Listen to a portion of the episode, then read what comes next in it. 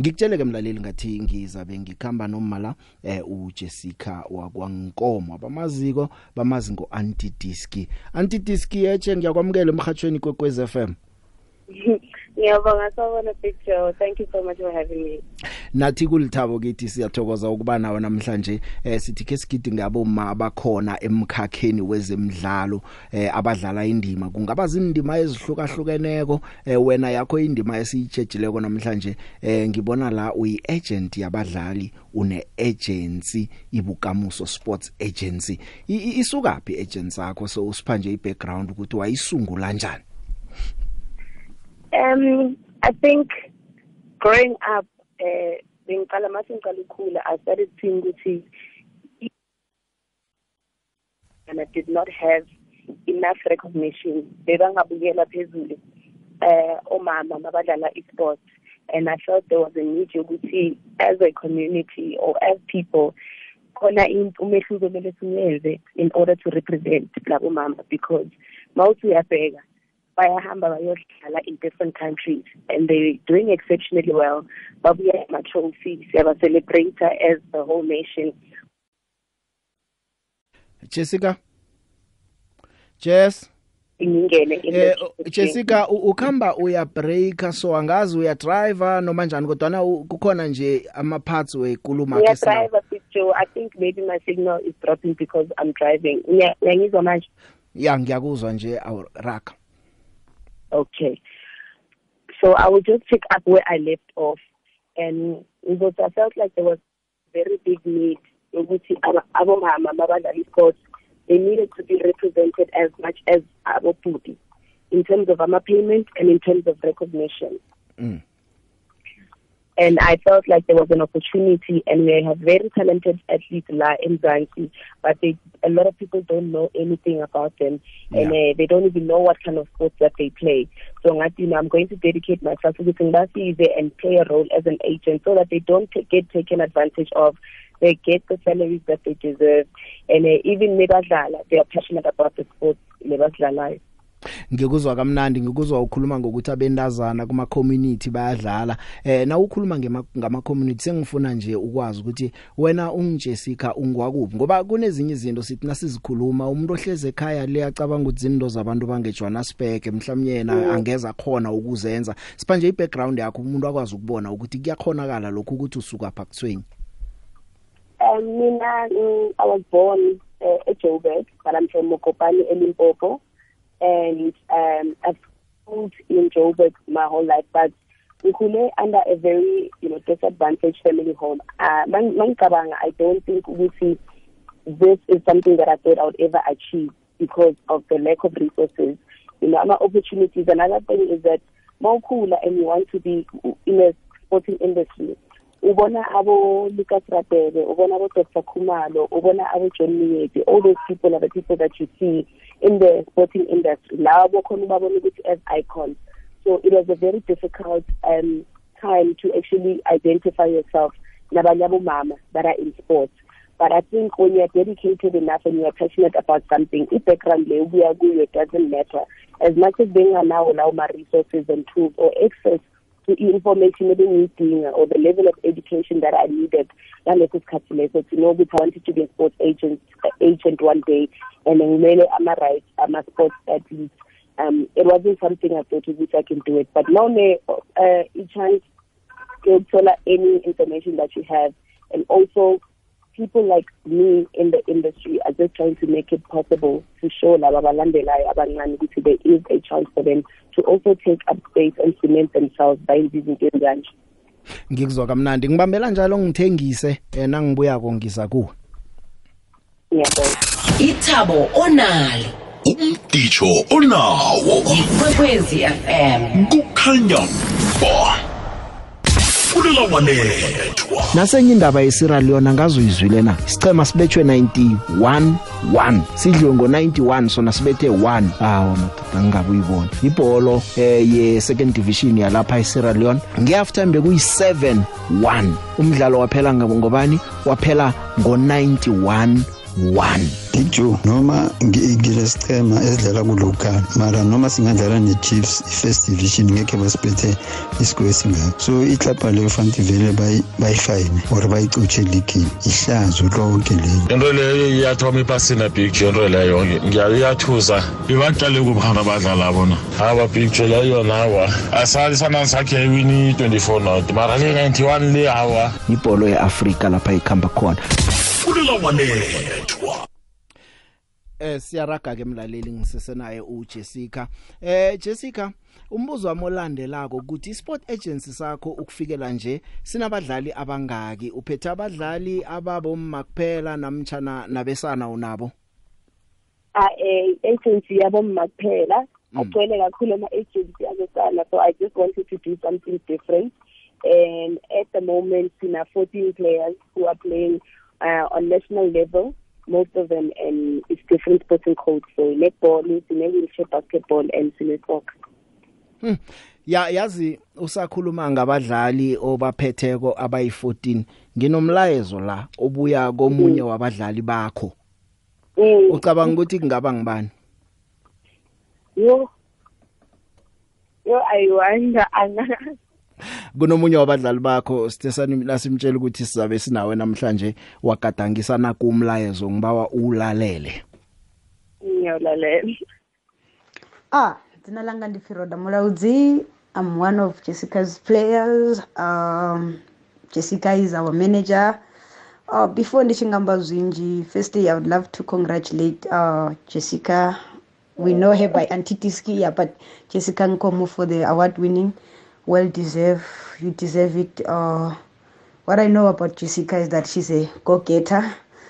Uh, what do I mean about, about that is uh, whatever nto abhiliva kuyo jessica she goes for it oh and uh, jessica doesn't believe in failure uh, jessica is someone that she loves helping people so i believe into emenza ukuthi adecide or come, come with a thought yokuthi abe ne-agencies because she wants to see our women women in this country baphumelela. She wants to see uh, football players or athletes female athletes ba ba ba, ba achieve ama dreams wabo. So that why she decided to you know what? Let me start my own agency. And then i'm so proud of of her because what she did or lenta yenzile it's it's it's it's great for female athletes in south africa. And into engizomtshela yona manje it's uh angayeki ukusiza abantu and akayeki ukubelieve kuma talent wama players siyamthanda and sizohlala simthanda and siyabonga isupport asinikeza yona always. I know it's not easy but la uqale khona chubeka god will bless you more. And i know okuningi kuseza ama and i believe ukuthi ama awards amaningi aseza kuwe because you deserve it. You're one of the person law laba abangimotivateayo nami. So thank you and have a blessed day. Mm, yes. Ngiyakuzwa emotional. Okay, so I was not expecting that, but okay, so that is yours. Yeah, no, I'm getting emotional. That's one of the most oh, inspirational people and athletes I've had to represent Nani. Uh, I think a lot of people via Mazi, one of the best strikers we have like in Branson. You know, top striker has Mamelodi Sundowns. International player has played overseas.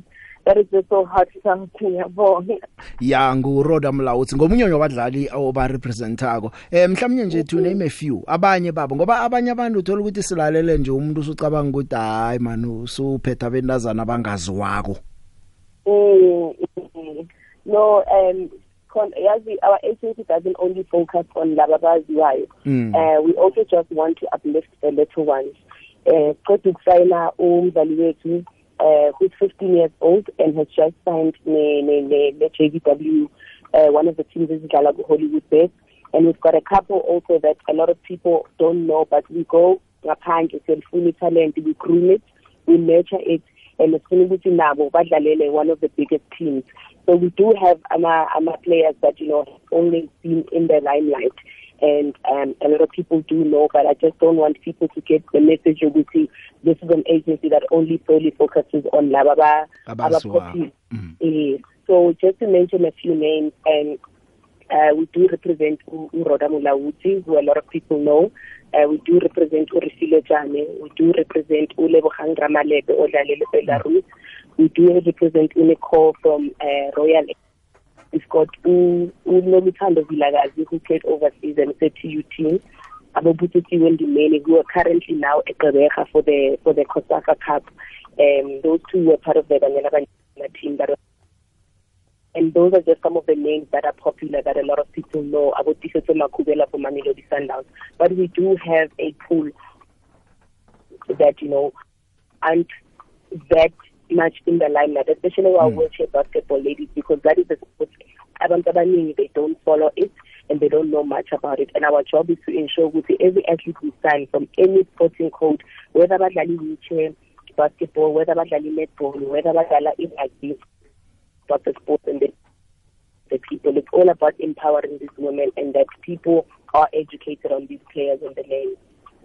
Jessica bamba njalo abalaleli eh kukhona abanemlayezo eqaliswe kuwe yakhe silalela Oh. lalele imlayezo lebese ke sikwazi ukuthi si react kiyo Okay. Ola ola ola Big Joe. Libiziwe ke Farrington wa lesandawana ka mo Springs ka mo. A wa rena Jessica Nkomo re mo tseba ga botse.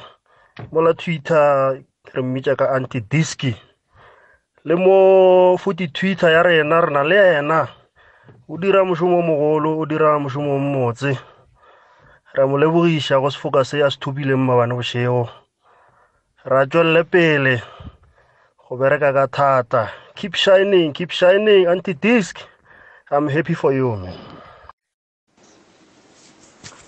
the big kunjani ukhuluma noTshepo wakwaSifala kwamhlanga ezone 4 eh ngicela ulotshisa isithekeli sakho ngapho. Eh usesi Jessica siyamthokozisa ngeaward ayitholeko eh sithi uzimabe naye wena the big. Eh umbuzo wami the big ulula. Ngicela ungibuzele usesi njengoba ba bayi agency ukuthi kaningi nasekucociswana ama player nesichema kucalwane. Ukuthi iplayer ligcine liya lapho. Ngoba kaningi sisola ingchema ukuthi zibulala ama player angazi ukuthi ama agency akuphi lapho. Ngoba mhlambe iplayer lakho lifuna ukuya endaweni or bayalifuna le kunama player i3 adlala position leyo i-agency ingahelebha njani ukuthi iplayer lengavumi ukuya lapho or naye angavumi ukuthi aye lapho? Eh kodwa bese ngibuza lapho wena the big kuthepha kwasifala kwamhlanga eh ngiyathokoza. Picture picture kunjani picture nobiziwe ngisacela ukubuza njengoba usakhulumisa indaba zekuba i-agent yamaplayer njengoba mama lo ukhuluma ngayo sisi lo ukhuluma ngayo namhlanje. Ya. Kanti kahle kahle nofuna ukuba i-agent angazi ngibe ngibuza right or ngibuza endaweni right ya. Nofuna ukuba wenza into ezifana njengalezo kumele ube nani? Kufuneka ilayisensi yakhona or maybe ube nama-qualifications wakhona. Okay. Le yikwekwezi fm phila njengomuntu osemkhanyweni ngombana mkhanyo oletha ukuphila. Ya siyaraga ke mlaleli imzuzu imachuma amabili nemzuzu elithoba eh ngaphambi kwehour lesithandathu. Ngisesena uJessica Nkomo anti disk eh Jess ubezwile abalaleli eh abakuthokozisa bo Farrington omunye ubuza ukuthi nini influence engangane ekutheni umdlala ayike sinye isichema? Mhlawumnye noma nibonta amathuba okudlala wekho nicala imali nimchovele lapho na noma kwenzekani? Omunye ke uthi na ufuna ukuba iagent yini into kumele uyenze? Okay, ngwazile thank you so much ngiyabonga kakhulu. Lovely voice note. Eh ngizoqala ngiphendule umbuzo wokugcina and then ngicela ungirepeatele lo wesibili bengawuzwa kahle ukuthi ufuthi bekabuza ukuthini. But I'll just start with the last question ukuthi what do you need ukuthi ube yi-agent? So ukuba yi-agent is a very highly legally ranked space. So i think a lot of people bayenza ama-mistake. Khona ama-agency athatha ama-advantage for ama-players. Eh bagijimisa into ezifana nemali and bayakhohlwa ukuthi wena usebenzela iplayer hayi ukuthi iplayer lisebenzela wena. They don't do enough research in understanding which ama-federations asebenza kanjani. So when it comes to being a sport agent uzodecide ukuthi you want to be a football agent or rugby agent. Kodwa if you want to be a holistic agent for different sporting codes okubalulekile to understand what if there's any licensing that needs to be obtained for specific uh, federations because kunama different different governing bodies for each sporting code. Some are stricter than others but some are more lenient. Back in the days you needed to, you needed to pay imali to get a specific licensing fee. That rule was ruled out and nowadays it's no longer required but not for every single sport. So i think it's just understanding and learning and obtaining information right and speaking to the right people. We'll see that you have a legal representation because if you have a business attorney it's easier to navigate the system and understand those rules and regulations. And also mhlawumbe kuyokusiza nje ukuthi ukhulume nama-federation staff to understand ukuthi what are the rules uh, so that you don't find i-athlete lakho caught, uh, caught in a crossfire. So you just need that and you need the experience as well i wouldn't say qualification I mean, I'm currently still studying at the moment, but you do need to research, you do need to mm. speak to a lot of people and understanding exactly what is the objective Yako as an agent to AMA players what do you want to get out of it and understand the system of it. Being an agent, what does it take for you from signing the contractual agreement, the legal perspective of it. So it takes a lot of work, but if you're passionate and you do the right research and you, you know, and work with a team that is supportive and you definitely have an attorney, a business attorney, somebody with a legal or sports legal background to guide you through wonke lawo ma-steps we can definitely do it. I'm always open to you know um, assisting wherever i can. So if uputi uh, does have social media i am on anticc on twitter and on instagram. They can finish system a little bit further. And if you don't mind mhlawumbe ngicela uphindele umbuzo wakaphuti wesibili yeah. Ya wesibili lo Jessica ubuza ukuthi irole enidlalako mhlawumnye ekutheni abadlali basayine nama teams ingangani? Niyawacala ama advantage nama disadvantage niyamusa umdlali eh nalapha mhlawumnye amathubo okudlala amancane khona nedi nange kunemali eningi na? Okay. So it's very important as the agent ukuthi understand ukuthi player lakho lifuna ini. We will present ama opportunities that are available after you understand ukuthi player like mhlambe they don't have interest in playing in South Africa. What they would like to do is to play overseas. And the reason is sometimes ama players they want to play overseas because bayazi ukuthi la eMzansi we don't have enough tools and resources and maybe equipment you know um for women in football whether but whereby overseas zonke izinto zi-available. So your duty is to ensure ukuthi you sign them with the team that they want. You negotiate a good salary for them and you need to be honest with them sometimes because kunalento ukuthi eh ama-players azogijimisa imali which is fair enough. But i think you need to explain to them as an agent ukuthi there's pros and cons. To the, any situation. You know, when they go overseas, it's not all glitz and glamour. They are coming into a country where they don't know anybody uh, you know, the salary might be even little than what they are getting now. And they need to understand the culture shift and all of that. So it, it's your duty as an agent to ensure that you get them the best deal and you nurture that deal for until they leave for another team. Even when they're playing on local leagues, uh, the duty also to negotiate the best deals that you have la Zanzibar. And also be honest with them when you see which is not beneficial to them. Because abantu abaningi they settle into these situations where they feel like I, as long as ngidlala akunayi I think as you as as an agent duty yakho to tell them ukuthi they must realize the potential yabo ukuthi it shouldn't be that way. You are very capable you are very talented uh, to play for better teams. And just be their voice because a lot of athletes abanalo they don't have the courage and uh, confidence it's only a few that mm. understand if mm. it's in your ball or esports but you just need to extend yourself uh, and just show them the benefits and the value of their talent. Aha ya uyibekile eh, nje uk- ukwenza lula eh, umbuzo loya umlaleli othi kufuneka ama qualifications namtjana njani ipendulo kufuneka ilwazi lemidlalo ehlukahlukeneko. Enye into engakusiza kuba ne background yezomthetho ngoba icontract is legally binding so awuzokufika nje ususa umdlalo umsayinisa icontract nawe kwawena ongayizwisisiko. Bese ngisiza nje ukuthi eh ngokulula umlaleli azwisise. Bamba njalo Jessica eh ke sizwe nangumlaleli ukuthi uthini bese nangibuyako siyayisonga sinawe. Okay. Big Joe dumela the big ke mashabalala khosi ka ga phahla Big Joe o bolela nnete ka mola go makhosi rena? A ke tso re shotha kang cause atazwane yano ngathi kungene ekungasiyo. Sengivala ke mina eh Jessica ngifuna ukukuthokozisa eh ngeaward yakho oyiwine izolo. Nabalaleli ngiyabona sebathomile bakuthokozisile ubezwile abakhulumileko. Eh ake sizwe ngawo ukuthi uwine iaward eyani eh nokuthi uziza uzizwa njani ngokuwina iaward leyo. Bese ke sewuphuma ubuyelele ukuthi umlaleli ofuna ukukuthinda athole ilwazi elidluleleko ngomsebenzi wakho nangokhunye nje ukuthola njani.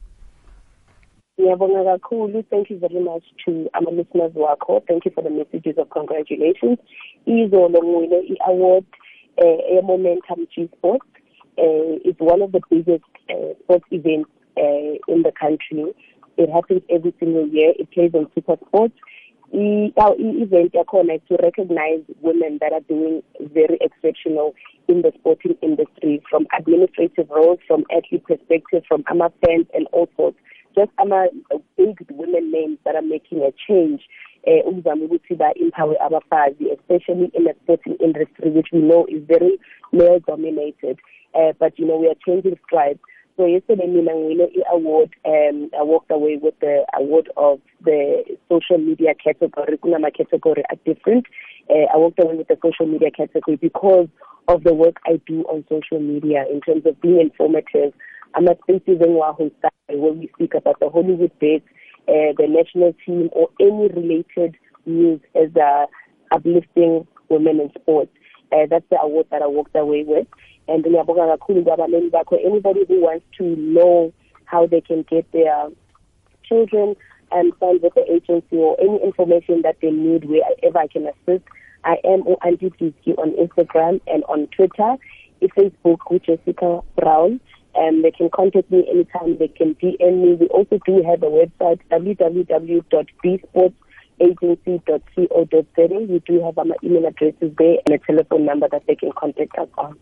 Jessica ngithokoze kakhulu ukusivakatshela namhlanje. Asithembe ukuthi asigcini namhlanje ukukhuluma nawe. Sizakunande sikhulumana kunezinye izinto nathi esizixhokako eh ngithembe ukuthi abalaleli baza kuthinda abanehuluphelo yokwazi eh mhlawumnye nabahalala ukuthi ungabajamela njenge agent abayidlala ko ibhola ngithokozile isikhatsi sakho sisi ngiyathokoza and i just want to say ukuthi being on ikwekwezi FM has always been ibhudango lami since I was a kid excited uh, for this interview and i hope i see you phuda ngempela. Ngiyathokoza ukuthi nathi senze ibhudango lakho laba ipumelelo namhlanje. Ngiyabonga big joe. Sub sub jess. Umkhanyo wethu ukhanya phambi kwabantu.